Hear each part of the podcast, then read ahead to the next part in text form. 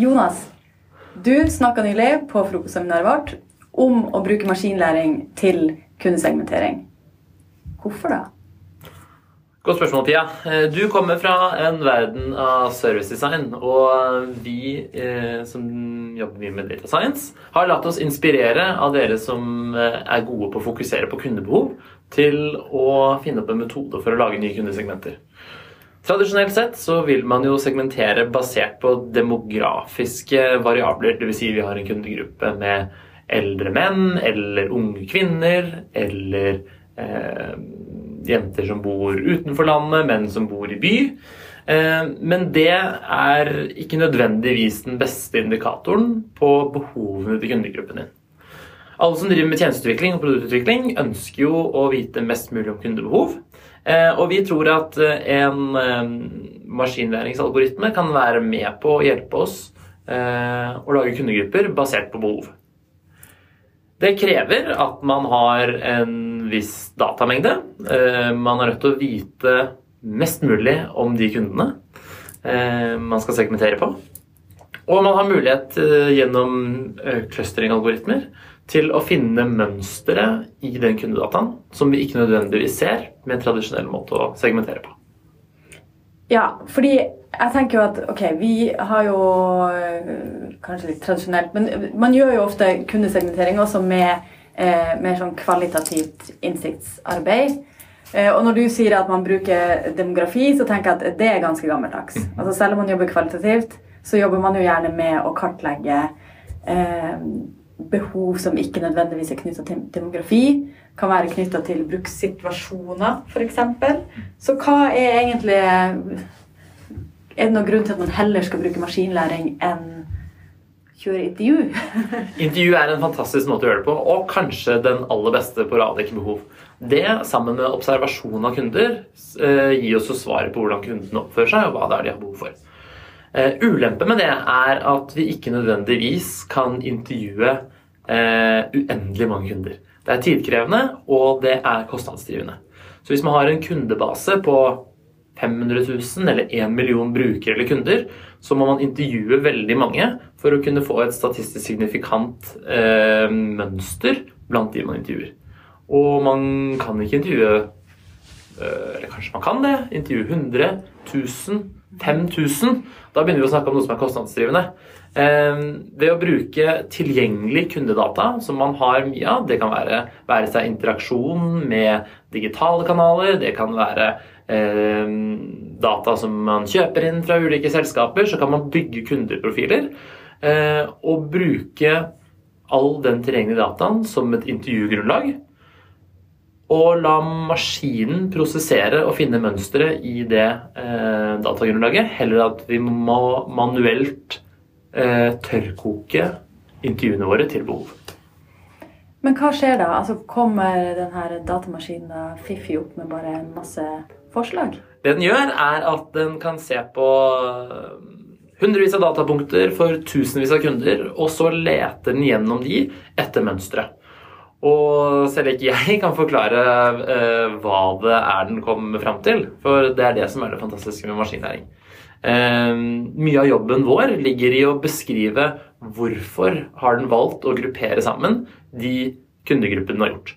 Den vil f.eks. spy ut eh, et eh, antall kunder, et antall kundegrupper, eh, som vi kan predefinere.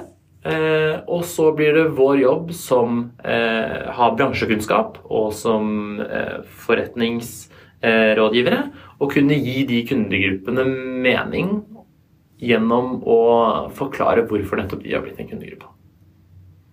Hmm.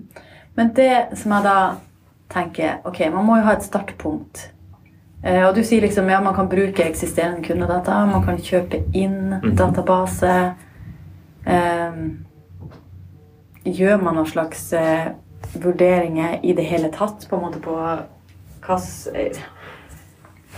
hvilke kunder er det, er det, vi vil ha data om? Altså det, da går man lett inn på demografien. Da, så det blir litt sånn Ja, det er et godt spørsmål. Eh, god kundedata kan være data som handler om interaksjoner de har, eh, møtepunkter. Eh, det kan være hva de kjøper, hvor ofte de er innom oss.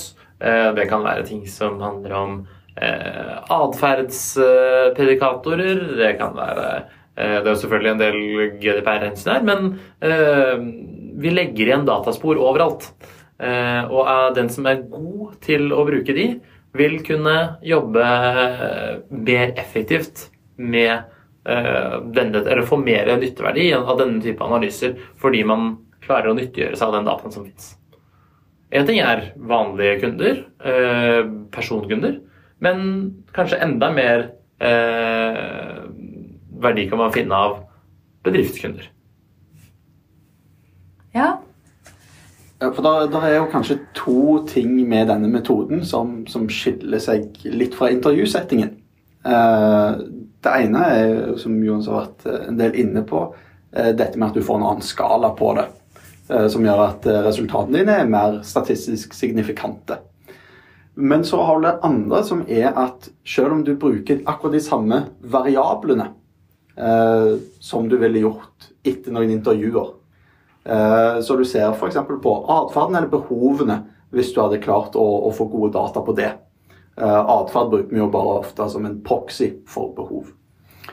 Eh, men selv om du har brukt de samme dataene, så ville du, hvis du ikke bruker denne type algoritmer, sjøl måtte ha tatt stilling til hva er det som gjør at noen kunder er like hverandre, men ulike andre.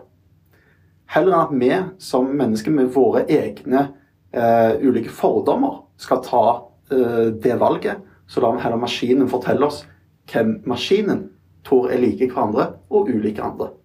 Og så må vi legge på ekstra informasjon etter det.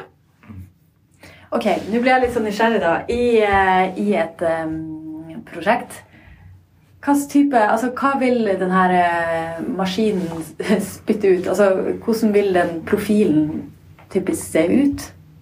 Eller typisk er det kanskje ikke, men hva type data kan du få som, som, som sier noe om behovet? Det maskinen vil gi deg, er ikke en personas eller en profil, eh, sånn som vi ville fått eh, eh, med andre metoder. Den vil derimot gi deg ei gruppe med kunder som sier disse er like hverandre. Og den gruppa er forskjellig fra de andre gruppene. Og så kommer jo litt av vår jobb inn etter det. Og prøve å si ok, hvorfor har maskinen valgt å gjøre dette? Eh, hva er det med alle de kundene som er i denne gruppa, som gjør de like hverandre, men ulike andre grupper?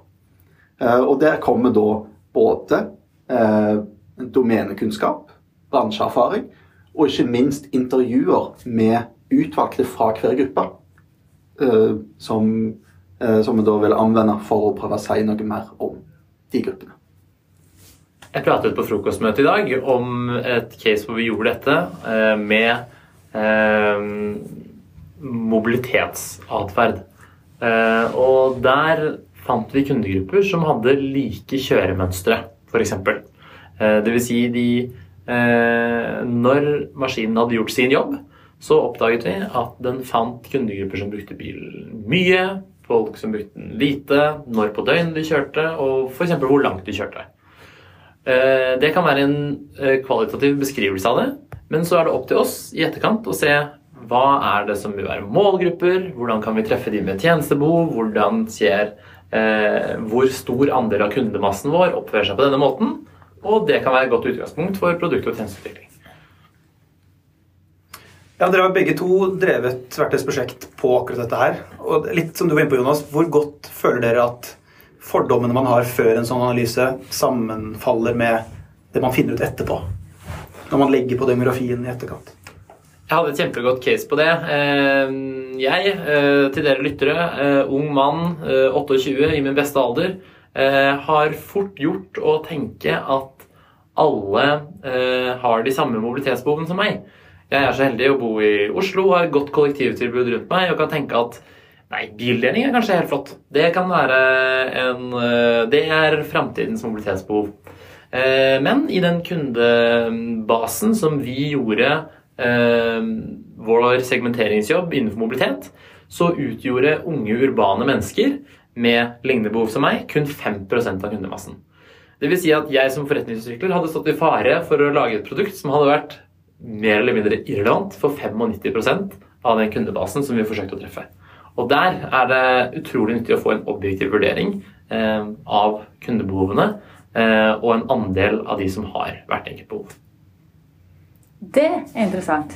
Da kjøper jeg plutselig den. Gleder meg til neste prosjekt vi skal kjøre her på. Takk for i dag. Har du noe ris eller ros, eller har lyst til å være med på en episode? Send oss en mail til drypp at beck.no.